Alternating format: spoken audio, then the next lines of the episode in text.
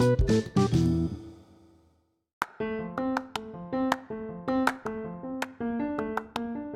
lagi sama gue Andre di Andre Podcast. Hari ini gue ngajak ngobrol adik kelas gue lagi di SMA yang di Jakarta. Nah seperti biasanya ini adalah segmen kisah sekolah. Nah gue mau ngajak ngobrol orang ini namanya Dava. Langsung aja kita sapa. Hai Dava. Halo, halo. Halo semuanya.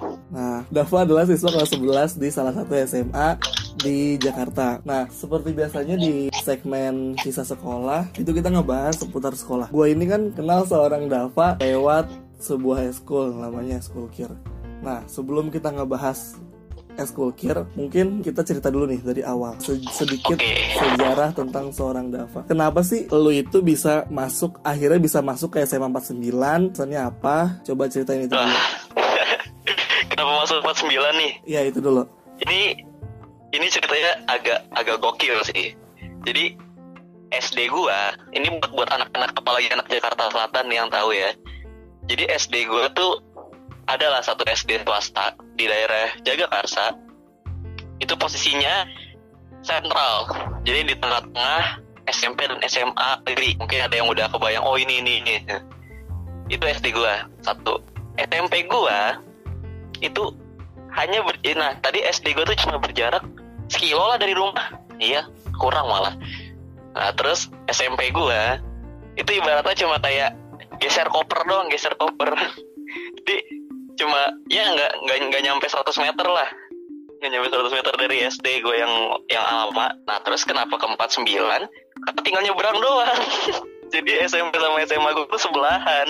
Bener-bener literally sebelahan cuma berbatas satu gang dan gangnya itu pun ada pintu kecil yang misahin jadi gampang lah. Terus kalau gerbangnya cuma muter L sekali udah kelar. Jadi karena gue jawabannya kenapa 49 karena gue orangnya suka yang simple ya terus deket rumah terus nilai gue juga memenuhi ya kenapa enggak? Gitu aja sih. Oke, akhirnya akhirnya dari sekian banyak anak Jakarta Selatan ada jawaban yang beda. Karena selama selama gue wawancara anak Jakarta Selatan tuh rata-rata dia tuh bilangnya Iya kak, gue tuh ke Depak, gue tuh ke Depak. Tadinya gue pengennya di 34 Pada ngomong kayak gitu. Ya elah. Nih, biar jujur-jujuran ya. Gue pilihan pertama, pilihan kedua, pilihan ketiga. SMAN 49 Jakarta tuh ini udah, ini sih udah, udah, udah setia banget sama 49 sih, gila. parah gila udah udah wah udah udah best friend best friend tuh Karena rata-rata emang yang wawancara tuh selalu kan prima donanya kalau di daerah Jakarta Selatan bagian selatan banget tuh kan Iya. 34 kan. 28 34 8 wah gitu gitulah paham lah pada anak Fatan mah Ini baru pertama kali gue wawancara langsung. Iya gue tuh men- menetapkan pilihan hanya di 49 yes. Keren keren. Betul. Dan gak kecewa. Itu sih intinya. Gak kecewa. Walaupun sekolahnya kecil ya. Iyalah gak apa-apa. Nah sekarang? Sekolah kecil penuh cerita Iyalah gila sih. Banyak banget ceritanya Nah setelah masuk di 49 berproses selama hampir kurang lebih 2 tahun Mau jalan 2 tahun karena sebentar lagi selesai kelas 11 Yep. Naik kelas 12 Apa ya ada gak sih kayak suatu momen Atau saat-saat yang menurut lo itu kayak Ini tuh berkesan banget gitu Dari dari dari banyak kesan yang lu dapet di 49 Pasti ada kayak satu atau dua momen yang yang udah lu rasain kayak oh ini nggak bakal bisa gue lupain selama gue ada di SMA sih kayak gitu Kalau di 49, wah kalau kalau disuruh nyebutin satu susah. Soalnya udah kebanyakan momen dan itu nggak bakal bisa kelupain, bener-bener nggak bakal bisa kelupain sih.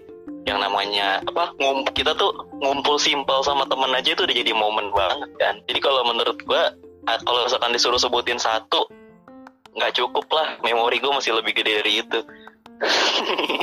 tapi emang nggak ada kayak satu aja kayak ya apa lu ngerain apa atau mungkin cabut atau lompat pagar kayak atau yang kayak gitu-gitu mungkin. Wah, udah semua tuh kayaknya. ya, Kalau misalkan terus. kalau misalkan disuruh se- sebut satu ya paling awal masuk sekolah itu kayaknya juga seru deh. Iya seru. Jadi bener-bener gua tuh jadi kan di 49 itu gabungan dari berbagai SMP ya.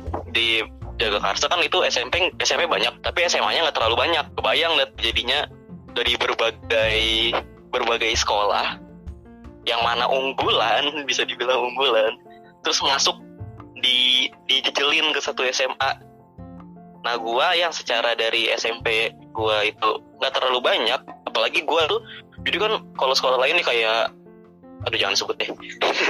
Kayak intinya sekolah-sekolah lain tuh adalah yang cowoknya satu kelas lima tujuh dari SMP yang sama.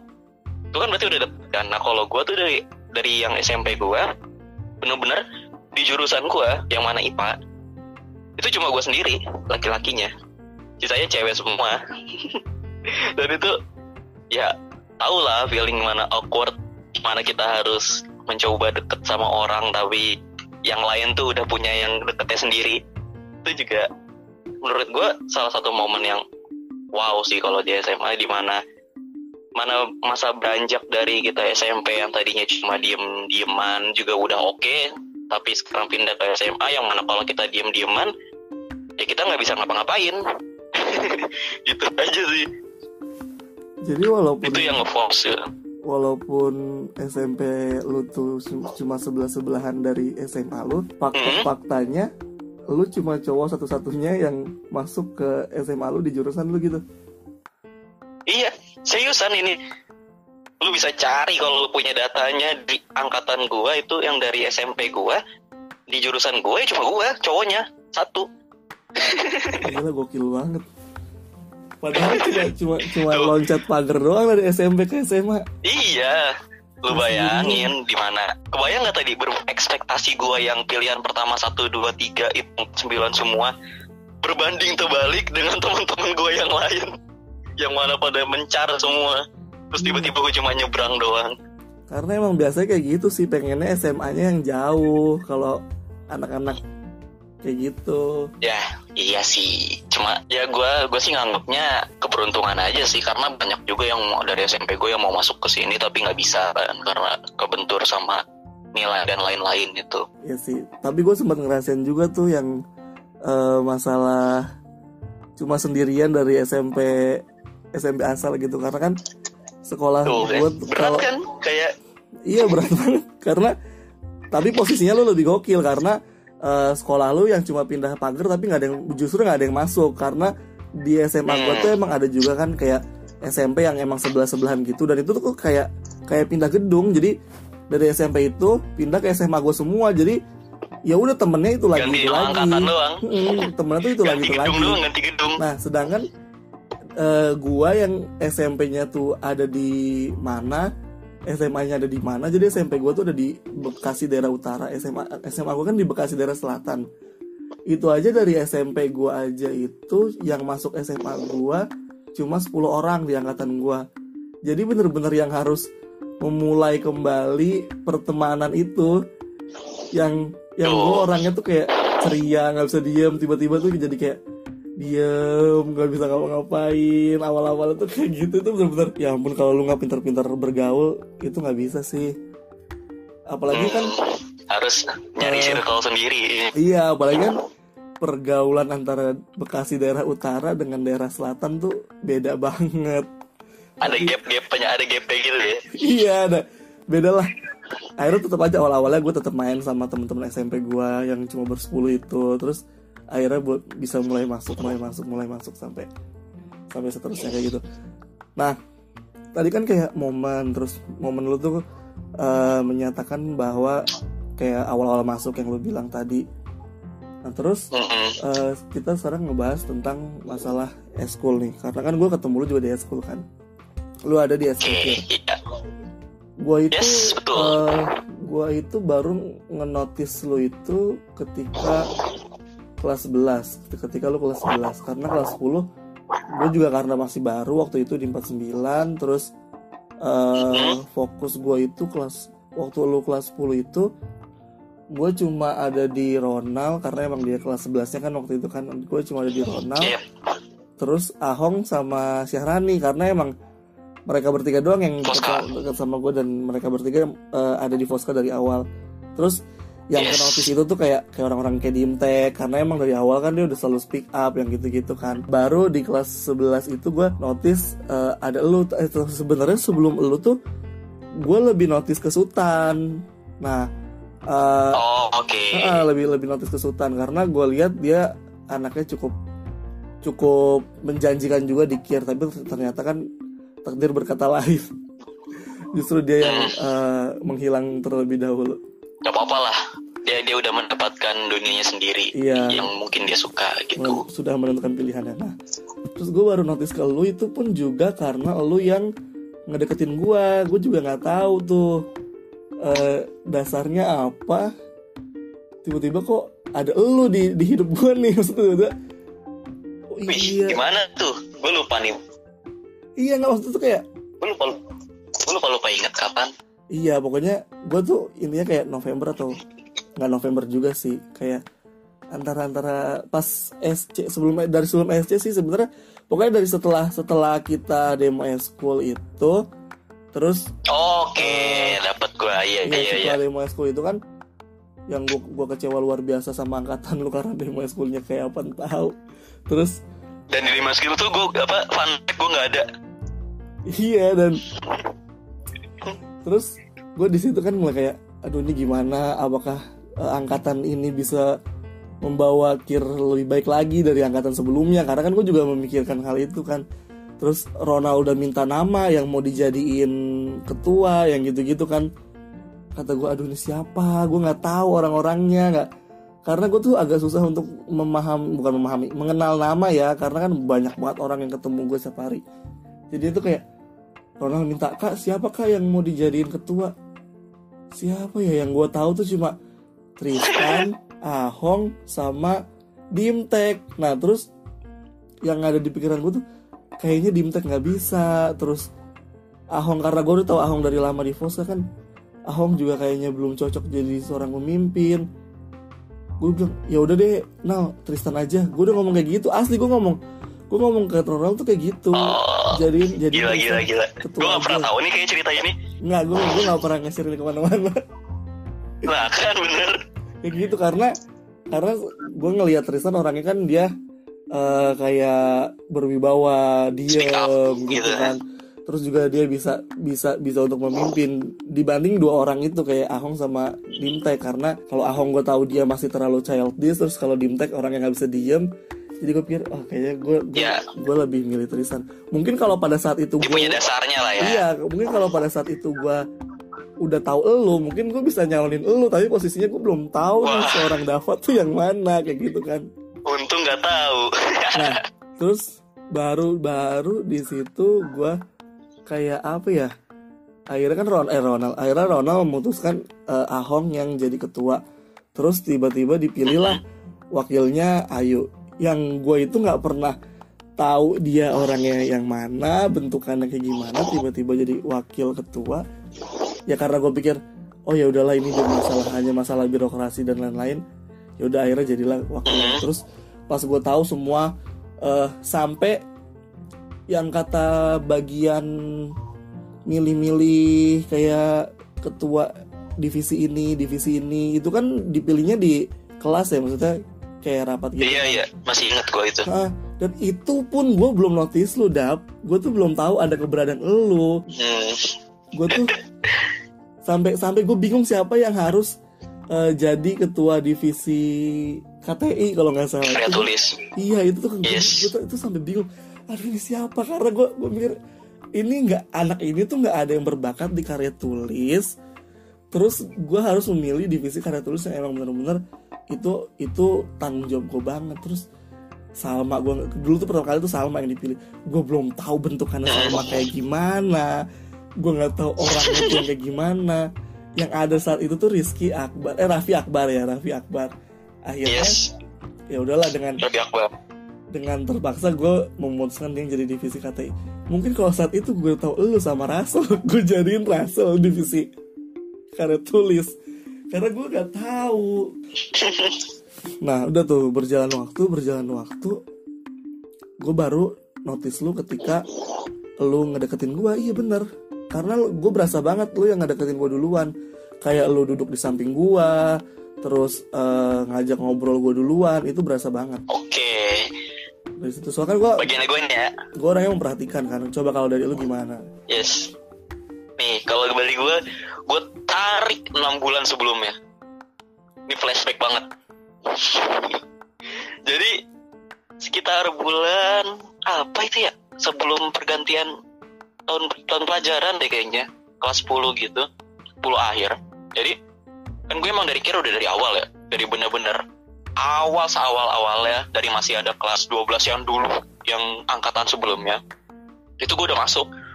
Jadi gue Ahong Tristan Dimtek terus Hans dulu ada Hans sekarang udah out dan lain-lain lupa gue dan itu kayak the original member kirnya 49 tuh itu yang sampai dari awal bener-bener awal banget dan sempet cabut kayak Dimtek sempet cabut terus balik lagi. Terus sisa gua Ahong Zidan terus masuk Tristan dan lain-lain. Gitu-gitu. Sebenarnya dari awal gua udah oh kir tuh ya gua karena emang dari SMP kir ya. Oh kir ya gua emang gua gua itu dari awal ya emang udah dikir dan emang kir tuh kayak gini. Nah tapi yang gua expect di SMA itu kira nggak kayak pas di SMP kayak yang kita datang oke. Terus ada yang jelasin terus kita pulang absen kelar. Udah sebatas itu aja kan.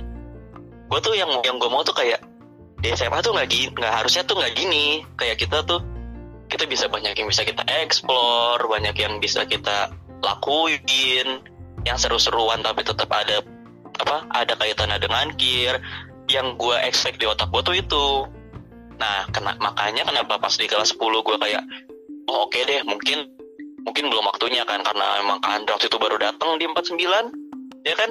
Baru datang di 49 dan gue juga oh oke okay, ini mungkin karena pelatihnya masih apa baru dan kita masih perkenalan dan lain-lain masih oke okay kayak gini. Terus dan juga dari angkatan atasnya kan yang aktif cuma Karonal kan? Wah itu juga respect sih ke Karonal dia tetap bisa ngebawa gear sendirian tanpa bantuan dari teman-teman angkatannya itu juga sangat wow kan. Jadi gue tetap ngejaga itu. Cukup cukup di ngejaga aja. Jadi gue kayak oh ikut terus. Ada apa ikut ada apa ikut. Gitu aja. Nah tapi pas kelas 11 pemikiran gue udah kayak kira tuh kalau misalkan kitanya yang gak jalan nggak akan ada yang berubah. Gue mikir gitu. Jadi pas kayak sebelum SC sampai sampai awal apa akhir tahun ya kalau nggak salah akhir tahun itu gue udah mulai nyoba nyemplung bener-bener nyemplung nyemplungnya tuh udah bukan kayak cuma main becekan doang enggak. Gue udah kayak lepas baju nyemplung biur gitu jadi kayak yakin oke okay lah. Sekarang gue udah nggak kayak pas gue kelas 10 yang mana kalau ada apa gue datang kalau apa gue datang terus udah kelar absen foto balik gitu doang.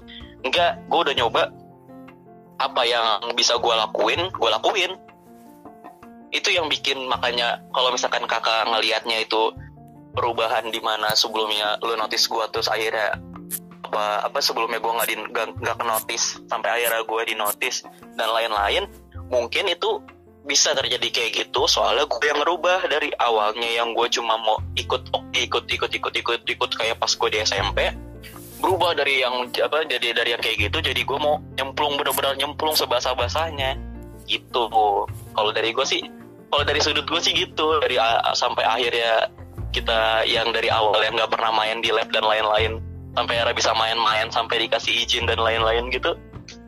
Itu tuh menurut gue perubahan itu baru kerasa emang di kelas 11 dan itu bukan bukan karena apa-apa ya karena emang diri gue sendiri. Dari awalnya gue yang nganggapnya kayak oh oke okay deh gue ikut. Terus gue oke okay, ada nama gue dan ada gue punya teman-teman terus kita dapat ini dapat ini oke okay, ilmunya dapat kelar. Bisa kan? Perlu bisa itu nggak salah. Itu bukan hal yang salah dan bukan harus dibenarkan. Jadi itu emang udah konsepnya dasarnya kayak gitu tapi di atas itu kita bisa ngelakuin lebih dari itu. Yang mana seperti sekarang gue lakuin. Gue bener-bener apa ngelakuin apa yang bi gue bisa. Selagi gue bisa bakalan gue lakuin. Itu sih kalau yang sekarang. Oke itu keren banget nah ya kalau kita ngomongin masalah uh, berubahnya lu sih ya yang itu yang yang berasa konsep dari lu adalah lu Pasti emang berasa. emang emang ngerubah dan itu gue bener-bener berasa kok gue awal tuh mikir gini deh kok ini tiba-tiba anak jadi kayak gini apakah ada ada sesuatu yang dicari atau apa gitu kan terus akhirnya Gila. emang Apa yang gue cari ya?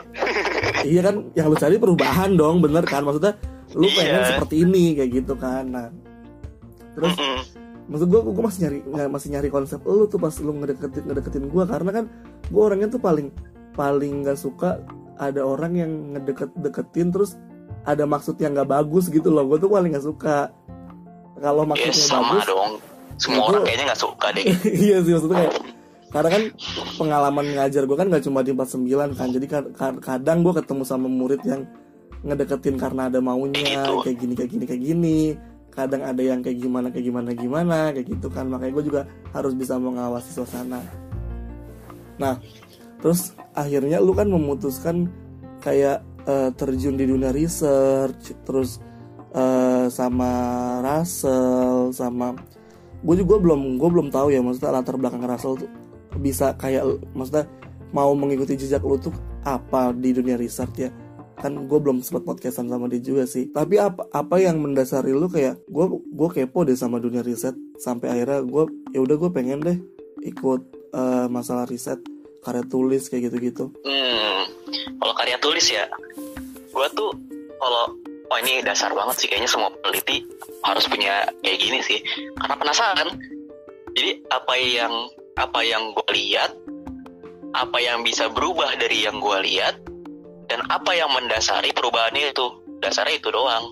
Gue mau cari tuh apa tuh yang di belakang itu, awalnya itu, awalnya itu doang. Tapi ternyata di balik itu kan ada kayak penyusunan, lain-lain, riset, terus gimana kitanya eksperimen, gimana kita nyari hipotesis, nentuin nanti hasil akhirnya kayak gimana, sampai-sampai ke bagian-bagian yang sensitif kayak uang, pendanaan dan lain-lain kan gitu juga ada. Jadi itu kayak ibaratnya lu punya lu punya benang, benang panjang, terus lu rajut satu-satu sampai jadi kain lebar dari kain lebar itu lu jahit lagi sampai jadi baju ibaratnya kalau gue ngibaratin ngibaratin penelitian tuh kayak gitu jadi dari awal yang kita oke dari sta- dari secarik benang benang merah kasar gitu terus kita rangkai dulu satu-satu sampai jadi kain. Terus dari kain itu baru kita jahit jadi baju.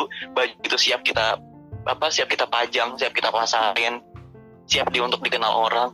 Menurut gue itu kayak gitu itu serunya. Jadi kalau misalkan ditanya apa yang apa membuat gue terjun ke dunia gini apa riset ya. Meskipun nggak terjun-terjun amat sekarang. Ya karena itu. Jadi awalnya seru awalnya penasaran. Terus di balik itu di apa dibalutnya dengan rasa seru dan lain-lain jadilah sampai kayak sekarang. Ya meskipun sekarang belum terlalu belum terlalu gimana gimana tapi ya kalau misalkan ngomongin itu tertarik loh itu udah udah udah termasuk dalam diri gue itu sih. Karena emang kalau gue gue kan selalu membawa kampanye tentang riset ya karena riset itu harus harus dipahami se sedini mungkin untuk, untuk kalian khususnya yang ada di SMA seru tahu. Jangan dibawa ribetnya. Kalau dibawa ribetnya mah semuanya juga ribet kali. Iya kan rata-rata anak SMA ya mana ada sih yang mau ribet gitu kan? Orang pengennya simple jalanin hidup simple. Ulangan pengennya simple dapat jawaban kayak gitu-gitu kan. Mana ada yang pengen iya. eh, dapetin yang pakai susah payah. Dan sedangkan segala sesuatu itu kan yang keren saat ini didapatkannya kan nggak nggak sesimpel itu kayak gitu. Iyalah kalau kalau semua orang ngebongkar di balik itu nanti di akhir ceritanya lu bukan tepuk tangan tapi nangis. Eh, itu yang selalu gue rasakan ketika ketika penelitian gue menang. Karena nah. ya karena karena karena itu semua terbayar mungkin saat kalau ini semua orang gimana gimana? Kalau semua orang ngebongkar kisah di baliknya pas di akhir presentasi dia bukannya tepuk tangan tapi malah nangis. Karena keinget dari semua pengalaman dia di balik itu yang sampai akhirnya jadi itu justru gokilnya di situ. Iya benar sih. Mungkin kalau menurut gue mungkin lu eh, saat ini belum belum dikasih kesempatan gimana serunya mengerjakan bab 4 ya. Karena kan selama ini kita belum pernah action sampai bab 4 baru sampai bab 3 aja Yes. tuh studi pustaka dan lain-lain. Mungkin kalau lu udah merasakan serunya bab 4 itu lebih lebih nangis lagi. Karena ketika dulu gua ngebimbing tim gua di SMA gua itu bisa sa- sampai selesai bab 6, bab 5 daftar pustaka dan dia bisa menang ya itu yang gue bilang ketika ketika menang tuh gue nggak nggak yang nyengir seneng tepuk tangan tapi kayak ini seriusan penelitiannya menang kayak gitu. Itu tuh kayak wah gila ternyata selama ini kerja kerja kita tuh terbayarkan kayak gitu. Ngubek-ngubek eh, kali. Kalau dulu penelitian gue tuh tentang tentang kali kan kali Malang ngubek-ngubek kali Malang Oh, oke. seharian nyari ngambil sampel bawa ke lab pulang pergi segala macem.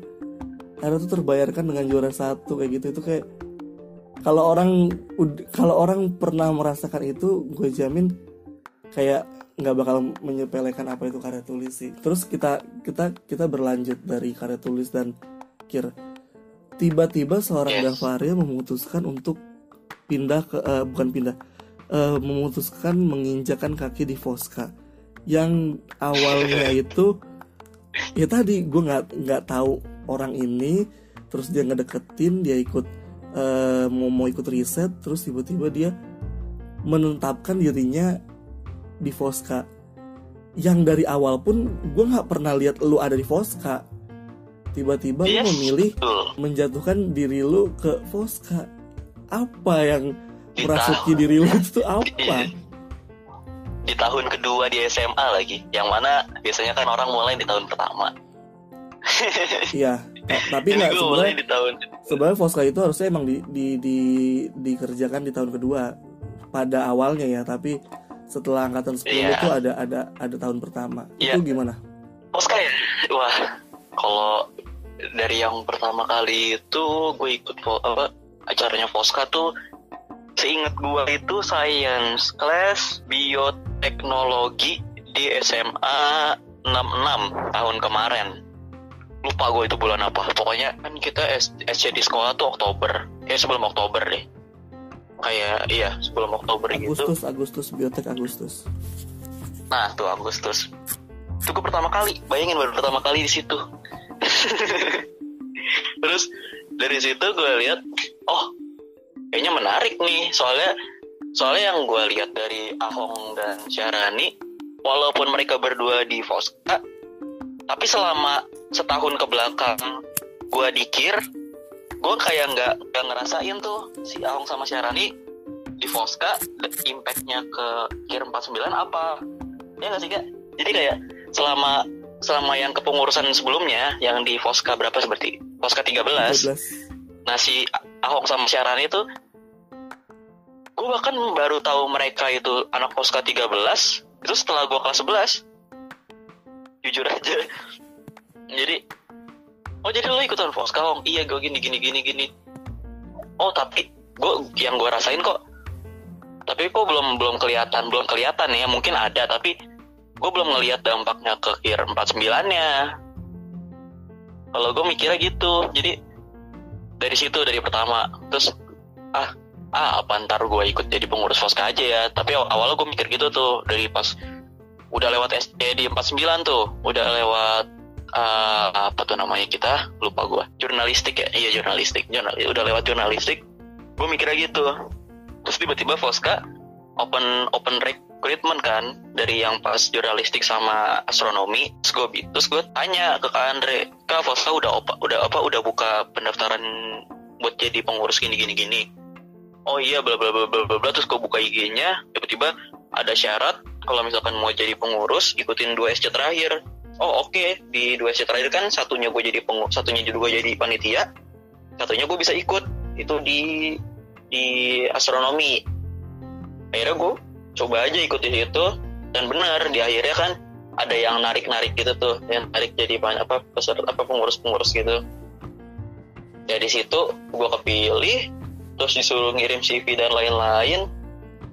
Nah pas di situ gue udah udah netapin diri kayak lu mau jadi apa? Kayak gimana gimana? Nah di situ gue udah udah udah udah udah emang di otak gue udah udah ke plan kalau misalkan gue jadi masuk organisasi yang berhubungan dengan yang gue suka yang mana itu kir. Gue mau mau jadi ya seenggaknya kalau misalkan nggak jadi nggak jadi yang tertinggi ya seenggaknya ada ada ada ada posisinya lah gitu.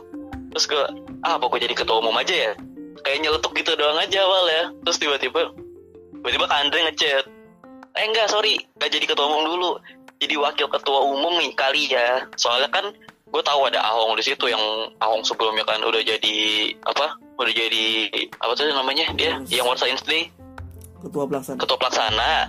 Nah ketua pelaksana World Science Day nah dia udah jadi ketua pelaksana kan. Wah gila gue udah kalah banget kayaknya kalau dari Ahong. Dia udah start satu tahun sebelumnya dari gue nah terus gue tiba-tiba kucuk-kucuk masuk aja terus tiba-tiba mau jadi yang paling tinggi ketua umum dan lain-lain. Kan nggak mungkin kan? Jadi oh oke okay, gue jadi wakil ketua umum. Yang gue yang apa decision gue pas pertama kali kan nanya tuh oke okay, wakil ketua umum.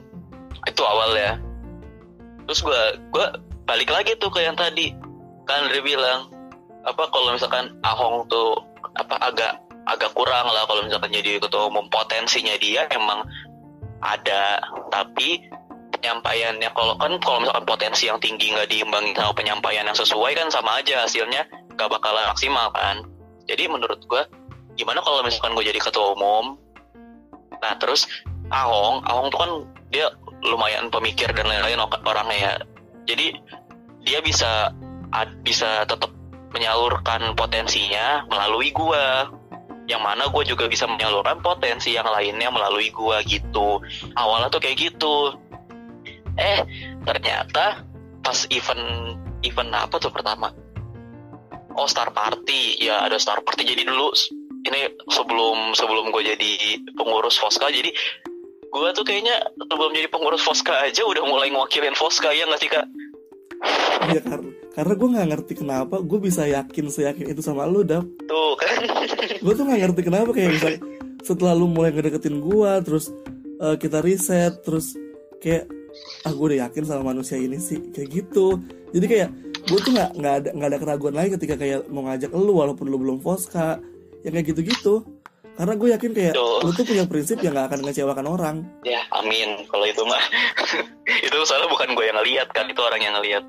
Ya amin kalau misalkan kayak gitu.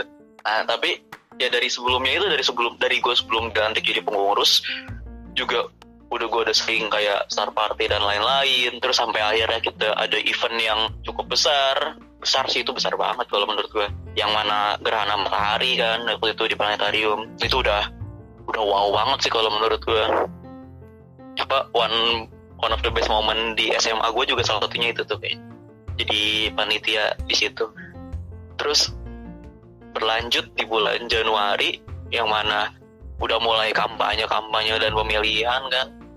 Terus gue udah mulai kebaca siapa sih calon-calon teman-teman gue di pengurus yang lainnya.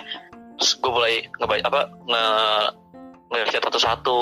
Ini dari SMA mana dari SMA mana mulai apa mulai cari cari cari ya inilah teman-teman gue satu tahun ke depan di pengurus kan gitu. Sampai akhirnya di tanggal 25 ya kak kita pemilihan. Iya 25 iya masih di pemilihan itu ya ada gua ada Ahong udah itu benar-benar sepasang calon dari sekolah yang sama. Gue nggak tahu pandangan orang lain gimana ke 49 dengan adanya itu. Tapi ya semoga baik-baik aja. Tapi ya kalau nggak gue ya Ahong awalnya kan gitu. Terus tiba-tiba kelar. Gue yang kepilih dan oke okay, gue terima. Soalnya ya emang itu dari awal gue itu itu yang itu mau gue jadi kalau misalkan ada apa-apa ya gue tanggung jawab karena emang itu konsekuensinya. Dan itu juga udah pilihan gue banget. Parah gak bakal apa gue nggak bakal kecewa gue nggak bakal apa kalau misalkan capek capek pasti ada. Lah semua ngapa-ngapain kan juga capek. Tapi kalau misalkan ini emang udah jalannya jadi ya jalanin dengan baik. Oke oke aja kan gak, jadi gue situ gue udah berhasil achieve kalau misalkan ya gue sebagai anak baru yang mana baru kayak masuk pos apa terjun di pos kayak kayak tiga bulan sebelum pemilihan. Terus ngelawan kayak banyak anak Poska 13 kan di dalamnya kayak yang udah setahun sebelumnya berkecimpung di Poska sama apa lebih dari gua. Tapi ya gue bisa gue bisa gue bisa narik gue bisa narik perhatian mereka dan gue bisa ngejalanin tugas gue sebagai ketua umum dengan baik gitu sih kak. Setelah lu ada di lu berproses. Hampir enam bulan kita jalan. Terus yes. eh, dikasih cobaan kayak gini. Ada pandemi yang parah. harus m- eh, menghilangkan beberapa proker di depan. Banyak sih. Ini udah banyak banget baru sih berapa? Udah banyak Udah. banget. Aduh udah gila banget. Ini udah kalau gue sendiri di sini kalau misalkan gue sendirian yang punya proker ini sih tuh kayak aduh gue udah kayak gila banget karena ini udah harus eh, yang harusnya udah ada dua science class tapi nggak jadi terus science yes care harus berubah konsep science camp terpaksa hilang kayak gitu kan. Dan kita belum tahu ini sampai Padahal udah. kapan. Ya gitulah makanya. Yes eh, cobaan terberat Fosca di tahunnya yang ke-12 dan di angkatan 14 angkatan gila-gila bang gila banget ini. Dan kebetulan soalnya sedang ini gue yang hina jadi itu kayak betul aduh. Tamparan kanan kanan kiri gila besar banget. Soalnya ini bukan sesuatu yang sesuatu yang bisa gue lawan kak. Kalau misalkan kayak apa ada ada perbedaan keputusan kak atau ada kanan dari mana dari mana. Oke lah itu masih bisa gue lawan. Tapi kalau misalkan udah ngelawan penyakit nggak dulu deh. Siapa pun juga nggak Iya, mau kali nggak nggak ada nggak ada yang bisa ngelawan. Maksudnya kayak ya udah kita tinggal terima kenyataan harus pikir otak iya. putar otak lagi harus diapain ini biar tetap jalan dan lain-lain. Jadinya ya harus sekarang tinggal kita menikmati aja sampai nanti di akhir jabatan yang itu tuh nggak bakal berasa. Karena ini aja kayak yang udah mau enam bulan aja tuh kayak ih tiba-tiba udah udah bulan kelima. Ini kan udah masuk dan itu eh, banyak yang hilang dan lain-lain. Jadinya ya ya udahlah mau diapain lagi? Sempet sempet sempet kayak apa ya? Sempet kayak marah banget sama sama si covid ini tapi kayak ya lu percuma kecewa sama sosok penyakit yang gak kelihatan udah nggak bisa diapain Iya. lagi semua Gua- semua tidak berdaya dengan adanya ini. Ya udah. Gue pas nggak gue pas nggak geser jadwal proker juga wah gila kali ya. Jadi gue nggak pernah kayak gini setelah stresnya tuh udah bener-bener dapet banget. Jadi wah kalau misalkan yang lain-lain oke lah masih bisa gue terima. Tapi kalau misalkan sampai proker gue sendiri ngegeser sejauh itu tanpa soalnya yang kalau misalkan geser karena satu satu hal atau dua hal masih oke lah kayaknya geser seminggu sebulan atau misalkan enam bulan masih oke. Tapi kalau misalkan digeser sampai waktu yang tidak bisa ditentukan wah beda cerita. Itu pusing harus gimana juga kan ke depannya. Ya tapi alhamdulillah dua bulan ya udah jalan kayak gini. Iya, kita masih bisa menikmati seperti ini. Padahal gue tuh sudah membayangkan untuk Fosca yang ini tuh lebih lebih terstruktur karena kan gue di Fosca baru baru ini jalan 2 tahun kan. Kalau yang tahun kemarin kan karena gue masih baru peralihan jadi masih ikut sama pembina yang dulu terus masih masih ada beberapa tata cara atau ya struktur yang emang dia ciptakan jadinya belum bisa sepenuhnya gue pegang. Nah tahun ini kan benar-benar udah pure yang gue pegang sendiri gue punya struktur sendiri gue punya SOP sendiri eh, punya birokrasi sendiri itu mau dijalankan tuh langsung kayak ya nggak bisa karena ke kepotong ini semua padahal gue udah punya rencana yang akan seperti ini seperti ini seperti ini seperti ini dan seperti ini. Mulai banyak kolaborasi mulai banyak interaksi sama komunitas non pendidikan yang udah ingin disiapkan untuk eh, suatu hal tapi ternyata harus sirna karena hal ini kan itu gila banget sih bener-bener ngebuat gue yang kayak oh my god. Eh, terakhir sebelum sebelum gue tutup podcast hari ini apa ya eh, ada nggak sih kayak resolu resolusi? Ya pokoknya resolusi. Resolusi lu ke depannya sebagai seorang Dava apa sih yang ingin dibuat lagi? Atau apa sih yang ingin dicapai lagi sama seorang Dava di kemudian hari? Seorang Dava ya? Sebagai seorang Dava nih? Iyalah. Oke, kalau sebagai seorang Dava, gue bakal ngelakuin di atas apa yang gue lakuin sekarang. intinya itu. Jadi mau di bidang pendidikan di bidang organisasi di bidang bisnis mungkin. Nah, bapak gue dari tadi udah ngomongin bisnis mulu nih. Nah ya, ya intinya gue gue mau gue, gue tertarik sama apa yang udah gue achieve. Jadi selalu mencari hal baru. Jadi nggak seru lah kalau misalkan kita apa nyari tantangan yang udah itu itu aja terus kita udah tahu gimana penyelesaiannya. Dan ya akhirnya gitu lagi gitu lagi kan. Itu udah standar lah kalau kayak gitu. Semua orang pernah pasti kayak gitu. Tapi kalau misalkan kita nyari hal baru terus kita harus survive di dalamnya itu bakalan justru itu yang gue cari. Nggak nggak peduli gue kalau misalkan gue harus emang capek-capekan dulu kayak sedih dulu kayak apa kecewa dulu. Ya semua orang pernah pasti kayak gitu kan. Tapi gimana kita manage semua itu sampai dapetin hasil akhir yang bagus itu kan yang diincar. Jadi kalau misalkan ditanya apa yang mau gue cari ya apa yang mau gue resolusi gue ke depannya di bidang apa pun gue bakal selalu cari hal baru. Jadi gue punya tujuan akhir tapi itu masih panjang banget masih panjang banget umur gue belum 17 tahun sekarang. Sekarang umur gue 17 tahun kurang. Berapa bulan? Dua bulanan. Nah, jadi semua itu ya masih masih ibaratnya kalau misalkan itu di atas awan ya ini tuh masih ngebangun tangganya dulu. Jadi kalau misalkan buat nggak achieve semua itu gue masih punya tujuan-tujuan kecil yang baru untuk mencapai tujuan terbesar gue jadi semua itu ya bakalan ke cover. Insya semoga ya semoga semoga ke cover nanti akhirnya. Dengan cara gue ngelakuin gue cari tantangan baru gue cari tujuan baru tujuan-tujuan kecil yang baru yang mana semoga itu bisa berimpact. Nggak ke gue doang sendiri tapi ke sekitar gue ke teman-teman gue ke keluarga ke sahabat ke semuanya ke bahkan sampai ke sekolah dan lain-lain. Itu yang gue suka. Jadi pertama gue bakalan ngelakuin apa yang sekarang udah di atas apa yang sekarang udah gue lakuin. Kedua gue lakuin apa yang gue suka. Karena kalau misalkan nggak suka buat apa? Nah yang terakhir ya intinya gimana pun caranya gue bakal nyari tujuan-tujuan kecil buat ngecapai tujuan terbesar gue gitu sih kalau buat sekarang. Oke gila itu keren banget. Semoga apa yang dicita-citakan dan apa yang diimpikan bisa terlaksana dengan baik. Amin. Amin. Ada terlaksana sih. yang berarti. Yang yes.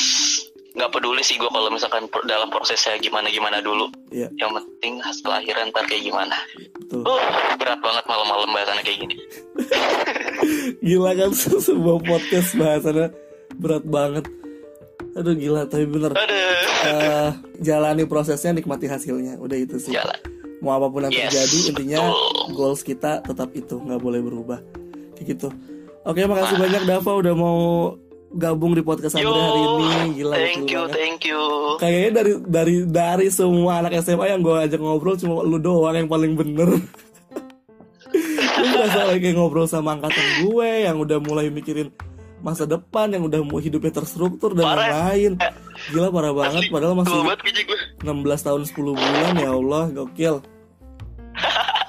Tapi gak apa-apa Gila.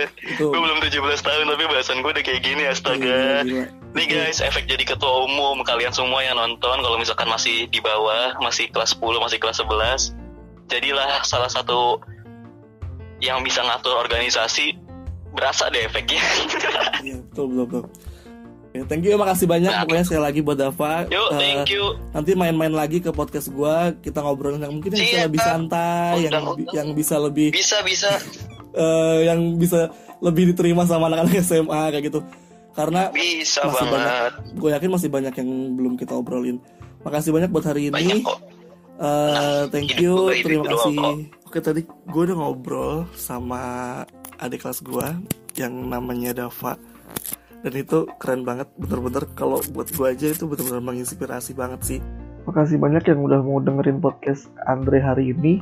Ini akan menjadi podcast terakhir di season 1 makasih banyak buat semua narasumber yang udah mau memberikan ceritanya di Andre Podcast kita akan ketemu lagi di season berikutnya makanya terus di Andre Podcast thank you yang udah mau menjadi pendengar sejati pendengar setia Andre Podcast. Bye bye.